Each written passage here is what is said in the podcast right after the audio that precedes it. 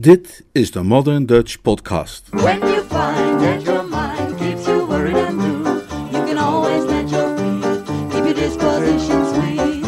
Want to see what makes me feel the way I do? Read Learning as tonight on two good reasons why. Happy feet, Bertie verandert van gedachten. Een verhaal van P.G. Woodhouse uit 1922, nieuw vertaald en voorgelezen door Leonard Beuger.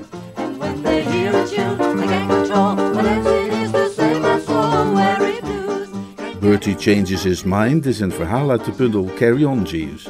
Het is een van de 35 korte verhalen die Woodhouse schreef over Bertie Wooster en zijn persoonlijke bediende Jeeves. In de 34 andere verhalen en alle 11 romans over dat koppel is Bertie Wooster de verteller. Sterker nog, de aantrekkelijkheid van die verhalen en romans wordt juist sterk bepaald door de manier waarop Bertie ze vertelt. Zijn taalgebruik vol jargonwisselingen, verbasterde citaten en eigenzinnige formuleringen is voor mij als vertaler niet alleen een bijzondere uitdaging, maar ook een bron van plezier. Dit verhaal wordt verteld door Jeeves en vanuit diens perspectief. Ik ben benieuwd hoe dat klinkt.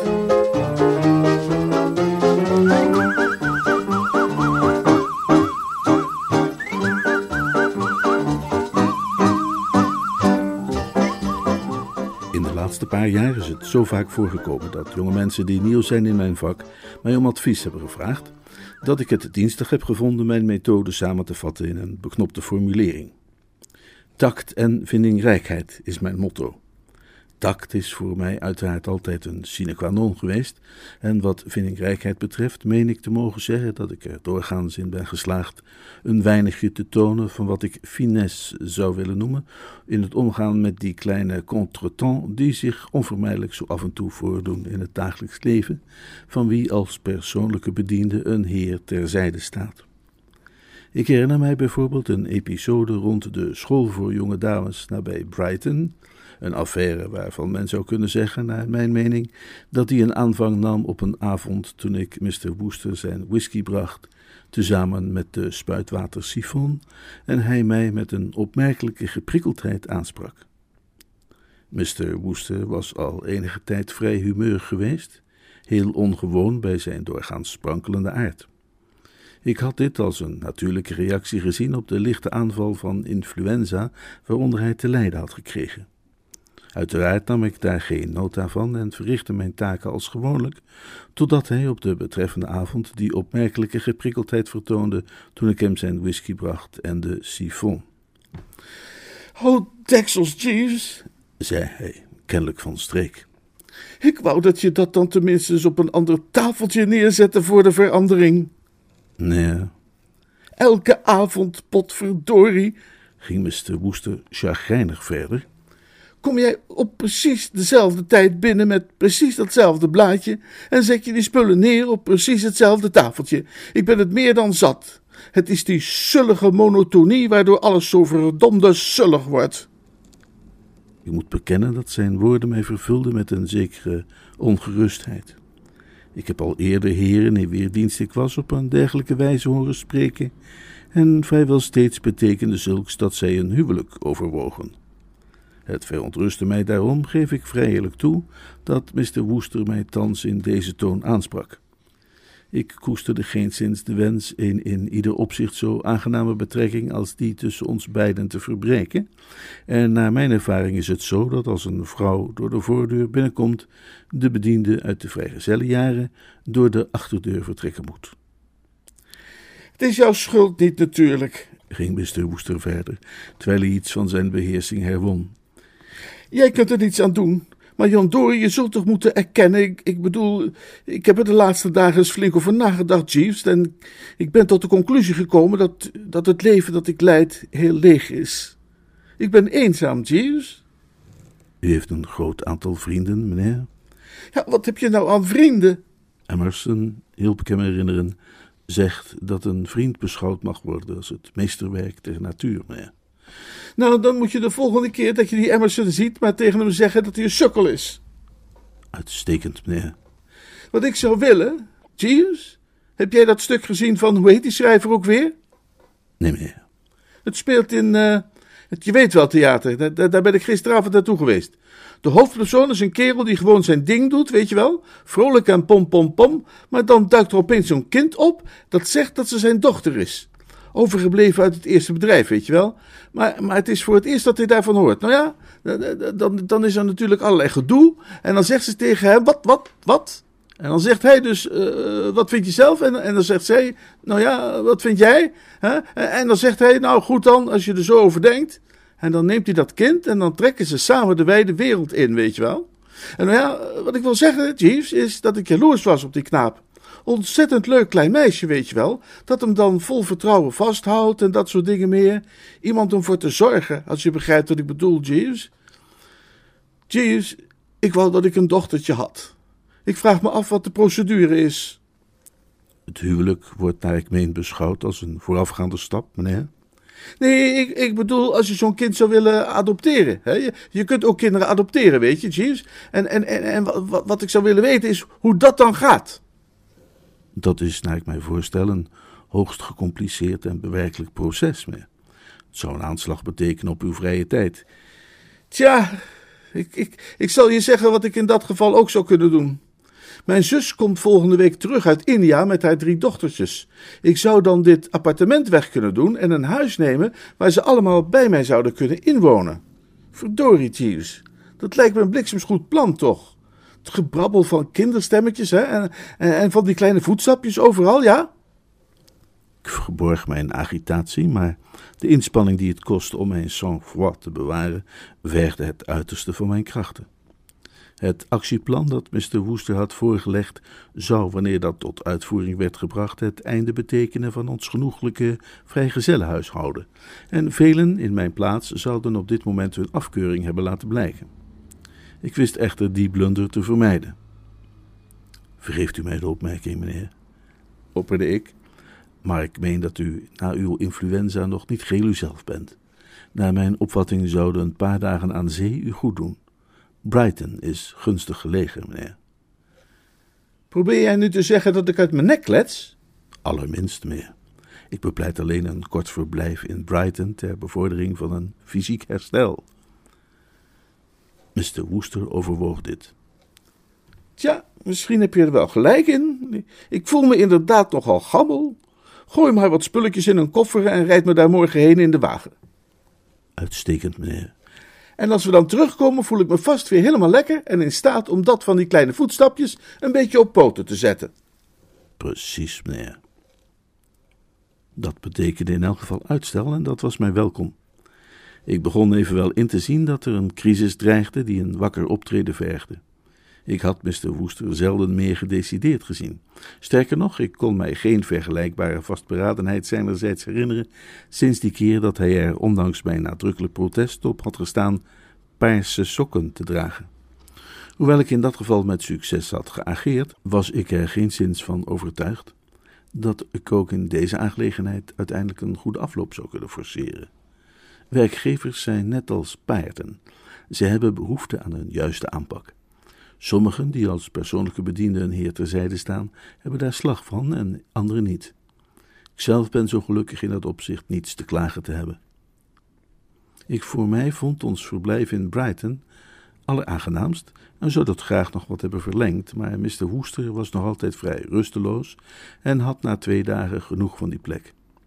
Op de middag van de derde dag gaf hij mij opdracht de koffers te pakken en de wagen voor te rijden. Het was een fraaie zomerdag en rond een uur of vijf vertrokken wij richting Londen. Na misschien drie kilometer onderscheidde ik op de weg voor ons een jonge dame die druk naar ons gebaarde. Ik remde en bracht het voertuig tot stilstand.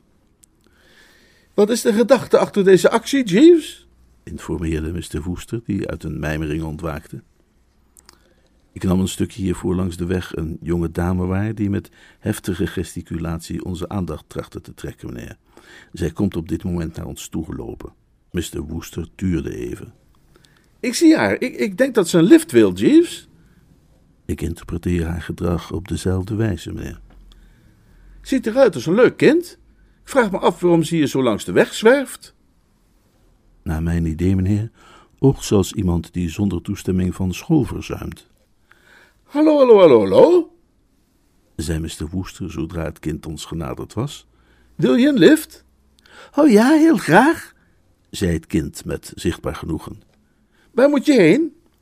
Twee kilometer verderop is een bocht naar links. Als u me daar afzet, loop ik de rest wel. Verschrikkelijk bedankt hoor. Ik heb een spijker in mijn schoen. Ze klom achterin. Het was een roodharige jonge dame met een mopsneusje en een buitengewoon brede grijns. Haar leeftijd, schatte ik, was rond de twaalf.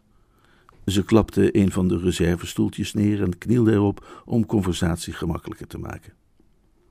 Ik ga ontzettend op mijn kop krijgen. Miss Tomlinson zal vreselijk woedend zijn. Nee, toch? zei Mr. Woester. We hadden een halve dag vrij, weet u, en, en toen ben ik stiekem naar Brighton gegaan om op de pier te wandelen en muntjes in de automaten te doen. Ik dacht dat ik wel op tijd terug zou zijn en dat niemand zou merken dat ik weg was, maar toen kreeg ik die spijker in mijn schoen en nu krijg ik natuurlijk verschrikkelijk op mijn kop. Maar nou ja, zei ze met een filosofische berusting die ik, naar ik moet toegeven, bewonderde. Niks aan te doen. Wat voor auto is dit? Een Sunbeam of niet? Wij hebben thuis een Wolseley. Mr. Woester was zichtbaar geraakt. Zoals ik al heb aangeduid, was hij in die periode in een receptieve stemming en bepaald weekhartig, waar het ging om jeugdige vertegenwoordigers van de andere sekse. Haar droeve geval had hem diep geraakt. Ach nee, dat is heel beroerd voor je, merkte hij op. Zeg Jeeves, denk, denk je niet dat daar iets aan te doen valt? Ik achtte het niet gepast van mij uit daarover te beginnen, meneer. Maar nu u zelf de kwestie aan de orde stelt, zou ik toch willen opmerken dat er zeker mogelijkheden zijn om het probleem te neutraliseren.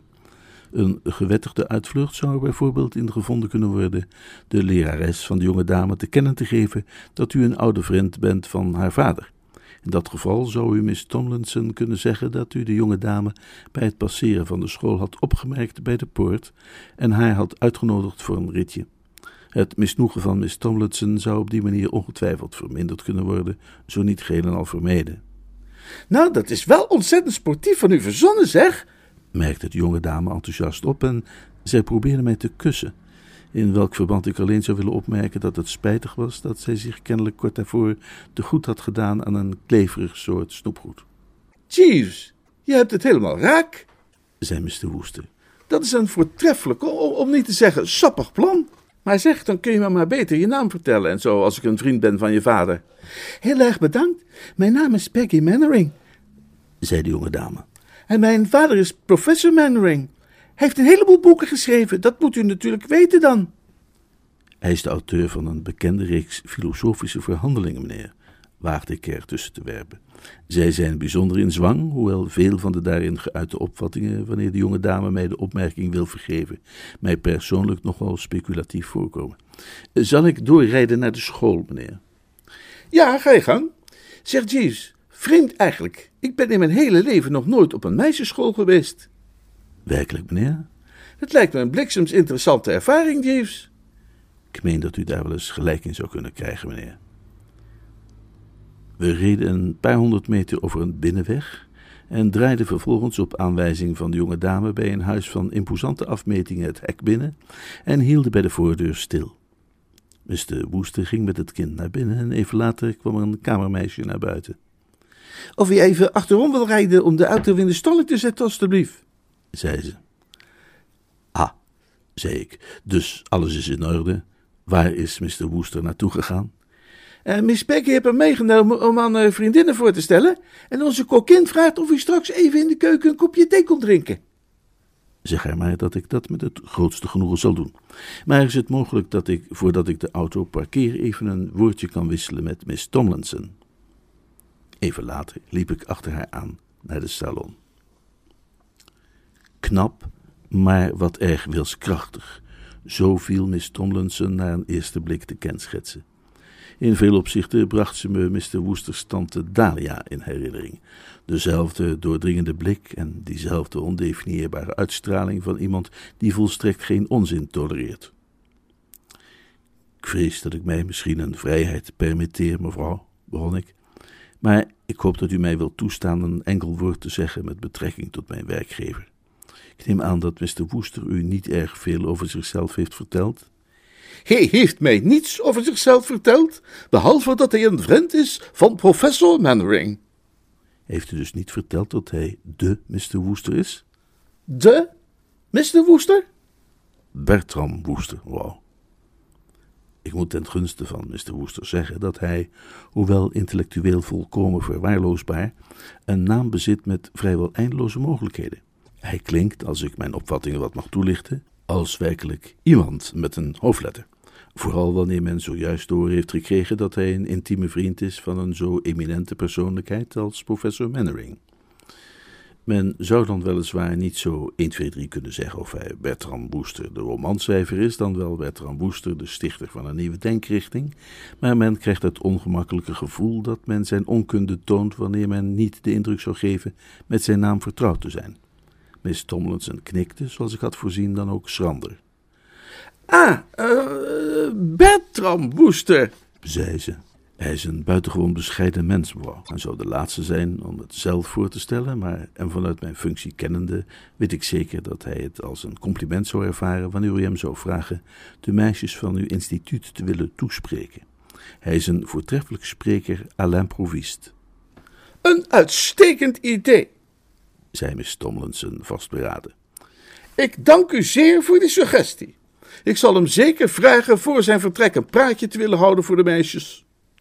En mocht hij uit bescheidenheid bezwaar maken, dan zal ik aandringen. Ik zal erop staan. Dank u, mevrouw, dat doet mij genoegen. En wees u vooral zo vriendelijk mijn aandeel in de kwestie niet te noemen.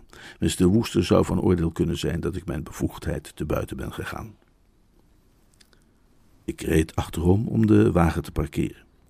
Toen ik uitgestapt was, bekeek ik die eens goed. Het was een uitstekende auto in voortreffelijke conditie, maar op de een of andere manier kreeg ik het gevoel dat er wel eens iets mis zou kunnen gaan.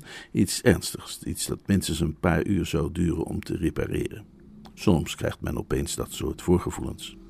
Het was misschien een half uur later dat Mr. Woester zich bij mij voegde, terwijl ik tegen de auto geleund van een rustig sigaretje genoot.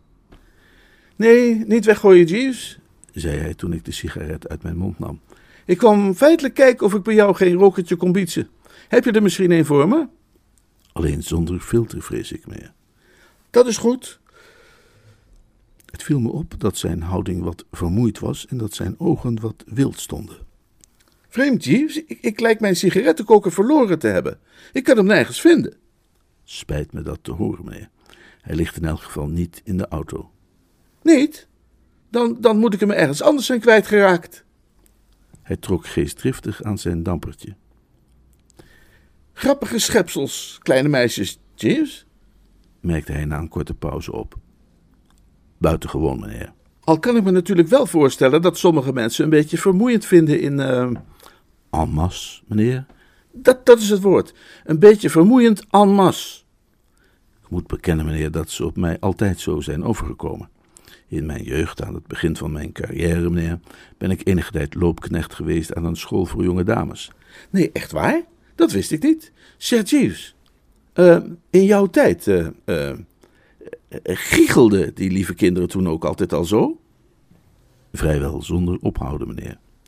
Geeft je een beetje het gevoel dat er iets mis met je is, vind je niet? Het zou me niet verbazen als ze af en toe ook zo naar je gestaard zouden hebben, klopt dat? Op de school waar ik werkte, meneer, hadden die jonge dames een regelrecht spelletje dat ze altijd speelden als er een mannelijke bezoeker kwam. Dan staarden ze die onafgebroken aan en giechelden daarbij. Eh, vervolgens werd er een prijsje uitgereikt aan degene die hem het eerst kon laten blozen. Nee, dat, dat, dat meen je niet, Jeeves. Echt waar? Ja, meneer. Zij ontleenden veel aardigheid aan dat vermaak. Ik had geen idee dat kleine meisjes zulke duivelinnen waren. Het vrouwtje is bij deze soort dodelijker dan de man. Ja. Mr. Woester wreef met zijn zakdoek over zijn voorhoofd. Tja, uh, over een paar minuten drinken we thee, Jeeves. Uh, na de thee voel ik me misschien wat beter. Het valt te hopen, meneer. Maar ik was er niet van overtuigd. Ik dronk plezierig thee in de keuken. De toast met boter was smakelijk en de meisjes waren alleraardigst, al boden ze weinig conversatie.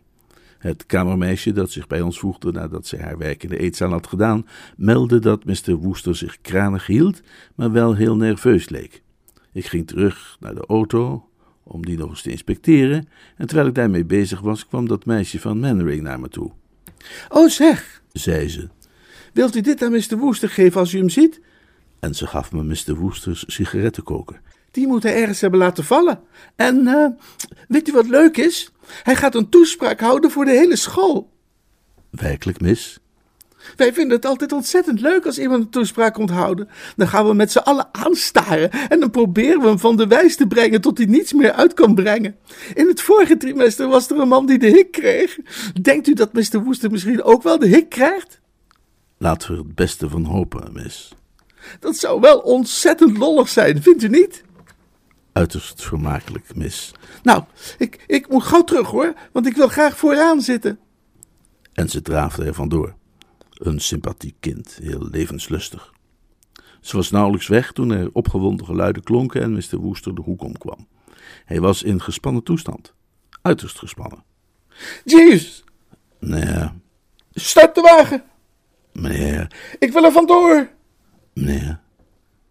Mr. Woester deed enkele danspassen. Blijf je nou niet de hele tijd meneer staan te zeggen? Ik wil er vandoor, dat zeg ik je toch. En vandoor, we mogen geen ogenblik verspillen. De situatie is wanhopig. Verdorie, James, weet je wat er is gebeurd? Dat mens van Tomlinson vertelt me net dat ik verwacht word een, een praatje te houden voor de hele school. Dat, dat ik voor die hele kudde meiden moet gaan staan en, en, en een toespraak houden. Ik zie me dat al doen. Breng die wagen gauw aan de praat, James. Potverdorie, een beetje gauw. Een beetje heel erg gauw. Dat is onmogelijk, vrees ik, meneer. De wagen is defect. Mr. Woester gaapte me aan op zeer glazige wijze. Defect. Ja, meneer. Er is iets stuk, een kleinigheid wellicht, maar het zal mogelijk enige tijd duren die te repareren. Mr. Woester behoort tot die categorie van zorgeloze jongelieden die weliswaar graag van een auto gebruik maken, maar zich niet de moeite getroosten zich vertrouwd te maken met het mechaniek ervan. Zodoende kon ik met een gerust hart wat technischer worden. Ik denk dat het iets met het eh, differentieel is, meneer, zei ik. Of eh, anders iets met het eh, spruitstuk van de uitlaat. Ik ben beslist op Mr. Woester gesteld en ik beken dat ik bijna was bezweken toen ik zijn gezicht zag. Hij staarde me aan in een stille vertwijfeling die een ieder zou hebben aangegrepen. Oh, dan ben ik de klos. Of denk je Een kleine glinstering van hoop gleed over zijn verwrongen gelaatstrekken. dat ik te voet dwars door de velden zou kunnen wegkomen, Jeeves? Daarvoor is het te laat, vrees ik, meneer. Ik duidde met een klein gebaar op de naderende gestalte van Miss Tomlinson, die met kalme vastberadenheid vlak achter hem was verschenen. Ah, bent u daar, Mr. Woester? Hij produceerde een ziekelijke glimlach. Ja, ik, eh, hier ben ik. Wij zitten allemaal op u te wachten in de grote zaal. Ja, maar eh, kijk, ehm, eh, deksels. zei Mr. Woester. Ik, ik, ik zou niet weten waar ik het over zou moeten hebben. Over wat dan ook, Mr. Woester. Wat dan ook maar bij u opkomt. Wees u vooral begeesterend. Begeesterend en amusant. Oh, eh, eh, begeesterend en, en amusant. Vertelt u hen een paar vermakelijke verhalen. Maar vergeet niet om tegelijkertijd ook een ernstiger noot aan te slaan. Bedenk dat mijn meisjes op de drempel staan van het leven en nieuwsgierig zijn iets te horen dat hen moed kan geven, dat hen kan helpen en inspireren. Iets dat zij zich ook na jaren nog zullen herinneren. Maar u kent dat soort dingen natuurlijk, Mr. Woester. Kom, de jongelui wachten op u. Eerder heb ik al gesproken over vindingrijkheid en de rol die dat speelt in het leven van een persoonlijke bediende die een heer bijstaat. Het gaat daarbij om een eigenschap die in het bijzonder wordt vereist wanneer het gaat om de activiteiten die niet primair zijn medewerking vindiceren. Veel belangwekkende aspecten van het leven spelen zich af achter gesloten deuren, zodat de persoonlijke bediende, wanneer hij niet hopeloos op de feiten wil achterlopen, zijn inventiviteit zal moeten gebruiken ten einde zo niet een toeschouwer dan toch een toehoorder te kunnen zijn bij aangelegenheden die hem zouden interesseren. Het gebruik om te luisteren aan sleutelgaten verwerp ik als vulgair en onwaardig, maar zonder tot dat niveau te hoeven afdalen, heb ik gewoonlijk toch wel een methode gevonden. In het huidige geval was het eenvoudig genoeg. De grote zaal was gelegen op de begane grond en voorzien van openslaande deuren naar buiten, die, gezien het milde zomerweer, gedurende de gehele bijeenkomst open bleven. Door mij een positie te kiezen achter een pilaar op de galerij of loggia die aan de zaal grensde, was ik in staat alles te zien en horen. Het was een ervaring die ik niet graag zou hebben gemist. Mr. Woester, mag ik meteen wel zeggen, overtrof zichzelf zonder meer. Mr. Woester is een jongeman die praktisch alle goede eigenschappen bezit die men zou wensen op één na. Ik heb het daarbij niet over hersenen, want hersenen zijn voor een werkgever niet direct wenselijk. De eigenschap die ik bedoel is lastig te definiëren, maar misschien mag ik die aanduiden als de gave om met een ongewone situatie om te kunnen gaan. Geconfronteerd met het ongewone is Mr. Woester geneigd zwakjes te glimlachen en de ogen te laten uitpuilen. Het ontbreekt hem aan tegenwoordigheid van geest. Ik heb vaak gewenst dat ik de macht had iets op hem over te planten van het savoir-faire dat een vroegere werkgever van mij bezat, Mr. Montague Todd, de bekende geldmagnaat, die nu het tweede jaar van zijn vonnis uitzit. Ik heb gezien hoe mensen Mr. Todd kwamen opzoeken met de uitgesproken bedoeling hem een aframmeling te geven met hun rijzweep, maar die een half uur later smakelijk lachend weer vertrokken met een van zijn sigaren tussen de lippen. Voor Mr. Todd zou het kinderspel zijn geweest om voor de vuistweg een praatje te houden voor een zaal vol schoolmeisjes. Sterker nog, hij zou hen waarschijnlijk en passant hebben overgehaald al hun zakgeld te investeren in een van zijn talloze ondernemingen. Voor Mr. Woester was dat echter duidelijk een bezoeking van de ergste soort. Hij wierp een enkele blik op de jonge dames, die hem collectief en zonder met de ogen te knipperen aanstaarden, sloeg zijn blik vervolgens neer en begon nerveus aan de mouwen van zijn jasje te plukken. Zijn aanblik deed mij denken aan die van een verlegen jongen die ik wel eens heb gezien en die zich tegen beter weten in had laten overhalen een goochelaar bij te staan op het podium om vervolgens te ontdekken dat er konijnen en hardgekookte eieren uit zijn neus en oren werden getoverd. De voorstelling begon met een korte, doch treffende introductie door Miss Tomlinson.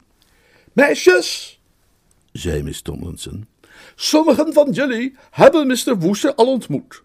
Mr. Bertram Woester, en jullie allen kennen hem, mag ik hopen, van reputatie. Op dat moment liet Mr. Woester, het spijt me dat te moeten zeggen, een gruwelijke, rochelende lach horen. Getroffen door Miss Tomlinsons blik liep hij bovendien vuurrood aan in het gelaat. Miss Tomlinson sprak verder. Hij heeft er vriendelijk in toegestemd een kort woordje tot jullie te spreken voordat hij vertrekt. En ik weet zeker dat jullie met vriendelijke aandacht naar hem zult luisteren. Alsjeblieft. Bij dat laatste woord maakte zij een wijdsgebaar met haar hand en Mr. Woester, kennelijk onder de indruk dat ze zich daarbij tot hem gericht had, schraapte zijn keel en begon te spreken. Het bleek echter dat haar opmerking bedoeld was voor de jonge dames en kennelijk een signaal vormde, want meteen daarop stond de hele school massaal op en barstte los in een soort gezang, waarvan ik de tekst gelukkig heb onthouden, hoewel de melodie mij is ontgaan. Die tekst luidde als volgt: Wij groeten u hartelijk, wij groeten u hartelijk, wij groeten u hartelijk, waarde gast. Wij groeten, wij groeten, wij groeten u hartelijk, wij groeten u hartelijk, waarde gast. Qua toonhoogte werd de jeugdige zangeresse een aanzienlijke vrijheid gelaten. En ook qua maat en ritme was er weinig sprake van onderlinge samenwerking. Elk kind zong door tot aan het einde van de strofe en wachtte dan totdat de tragere vocalisten ook zover waren. Het was een ongebruikelijke uitvoering, maar ik persoonlijk vond hem bijzonder opwekkend. Mr. Woester leek er echter heftig door te worden overvallen. Hij deinsde enkele stappen achteruit en wierp de armen verdedigend omhoog. Toen het geraas verstorven was, viel er een verwachtingsvolle stilte in de zaal. Miss Tomlinson richtte een dwingende blik op Mr. Woester. Hij knipperde wat met de ogen, slikte een paar keer en deed enkele wankele passen naar voren. Uh, nou, uh, uh, moet je horen, zei hij. Vervolgens leek het hem te treffen dat een dergelijke openingszin te weinig formele waardigheid bezat. dames, een twinkelende lach vanaf de eerste rij deed hem opnieuw zwijgen. Meisjes, zei Miss Tomlinson. Zij sprak met gedempte stem, maar het effect was onmiddellijk. Een volledige stilte daalde ogenblikkelijk over alle aanwezigen neer. Ik moet zeggen dat, hoe kort mijn kennismaking met Miss Tomlinson ook was geweest, ik mij weinig vrouwen kon herinneren waar ik meer bewondering voor heb gevoeld. Zij bezat overwicht. Ik stel mij voor dat Miss Tomlinson inmiddels Mr. Woesters retorische vermogens zo ongeveer correct had ingeschat en tot de conclusie was gekomen dat een inspirerende korte toespraak niet werkelijk van hem te verwachten was. Daar het al wat later begint te worden en hij niet meer zoveel tijd heeft, zal Mr. Woester zich beperken tot een enkel woord van advies, waar je in je latere leven nog veel aan zult hebben. Daarna zingen wij het schoollied en begeven we ons naar onze avondlessen. Ze keek Mr. Woester aan. Hij haalde zijn vinger aan de binnenkant langs zijn boord. Eh, ad- advies eh, voor het latere leven. Eh, ja, ja, nou, ik weet niet. Een enkel woord van raad, Mr. Woester. sprak Miss Tomlinson streng. Oh, nou, eh, ja, nou, kijk. Het was pijnlijk om te zien hoe Mr. Woesters hersenen tot functioneren probeerden te komen. Goed, ehm, dan in dat geval zal ik jullie iets vertellen dat mijzelf vaak van pas is gekomen en, en wat niet veel mensen weten. Mijn oude oom Henry heeft me die tip gegeven toen ik voor het eerst in Londen was. Vergeet nooit, mijn jongen, zei hij, dat als je voor de deur staat van Romulus restaurant aan de Strand, je de klok kunt zien tegen de muur van het gerechtshof in Fleet Street. De meeste mensen die dat niet weten, geloven niet dat het mogelijk is, want er staan daar een paar kerken op de weg en je zou denken dat die ervoor staan. Maar het kan dus wel en dat is goed om te weten. Je kunt een hoop geld verdienen met erom te wedden met kerels die daar nog niet achter zijn. En verdorie, hij had nog gelijk ook. Onthoud dat dus goed. Ik heb meer dan eens een pond verdiend. Miss Tomlinson kuchte eenmaal hard en droog en hij brak zijn betoog af midden in een zin.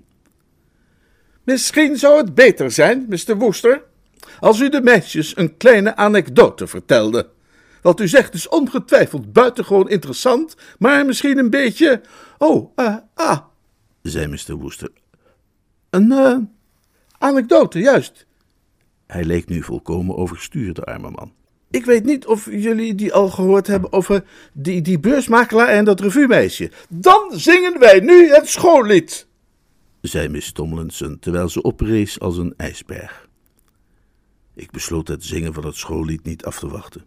Het leek me waarschijnlijk dat Mr. Woester elk moment de wagen nodig zou kunnen hebben en ik haastte mij dus naar de stalling om gereed te staan. Ik hoefde niet lang te wachten. Na slechts enkele ogenblikken kwam hij wankelend aangelopen. Mr. Woester beschikte niet over zo'n ondoorgrondelijk gelaat waarvan niets is af te lezen. Integendeel, het is als een heldere vijver waarin zich elk van zijn emoties spiegelt. Ook nu liet het zich lezen als een boek en zijn eerste woorden waren volledig langs de lijnen die ik had verwacht. Jeeves, Zei hij met heese stem. is die verdomde wagen nu al gerepareerd? Hij is zojuist gereed gekomen, meneer. Ik heb er onafgebroken aan gewerkt. Laten we dan eens hemelsnaam als de bliksem vertrekken.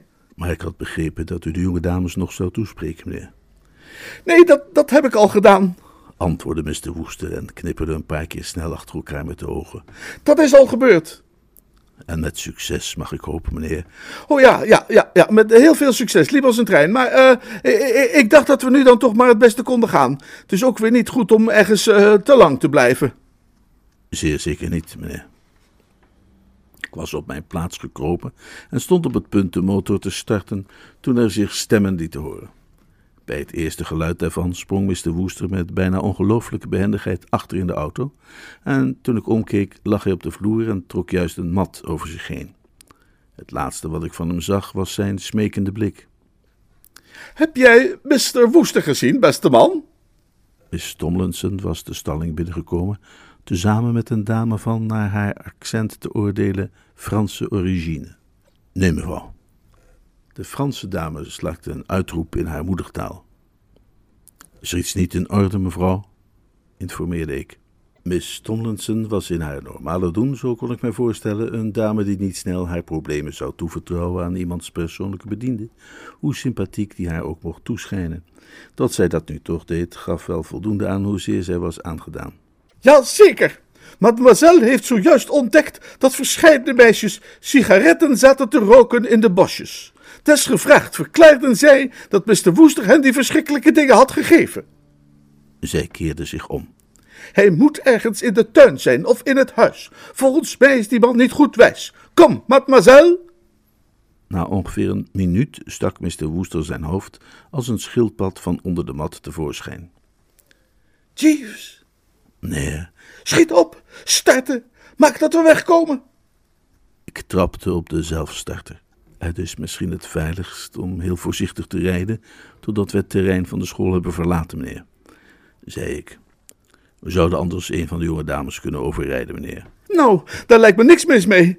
sprak Mr. Woester met buitengewone bitterheid. Of misschien zelfs Miss Tomlinson, meneer, Hou op, zei Mr. Woester op smachtende toon.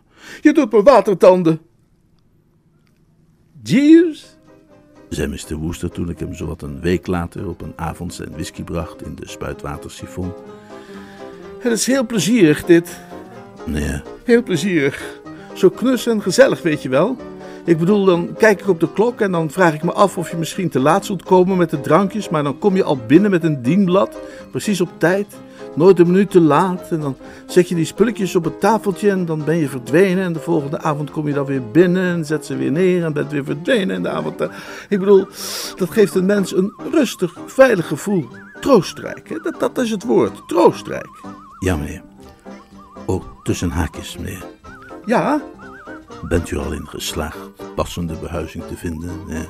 behuizing? Hoe bedoel je behuizing?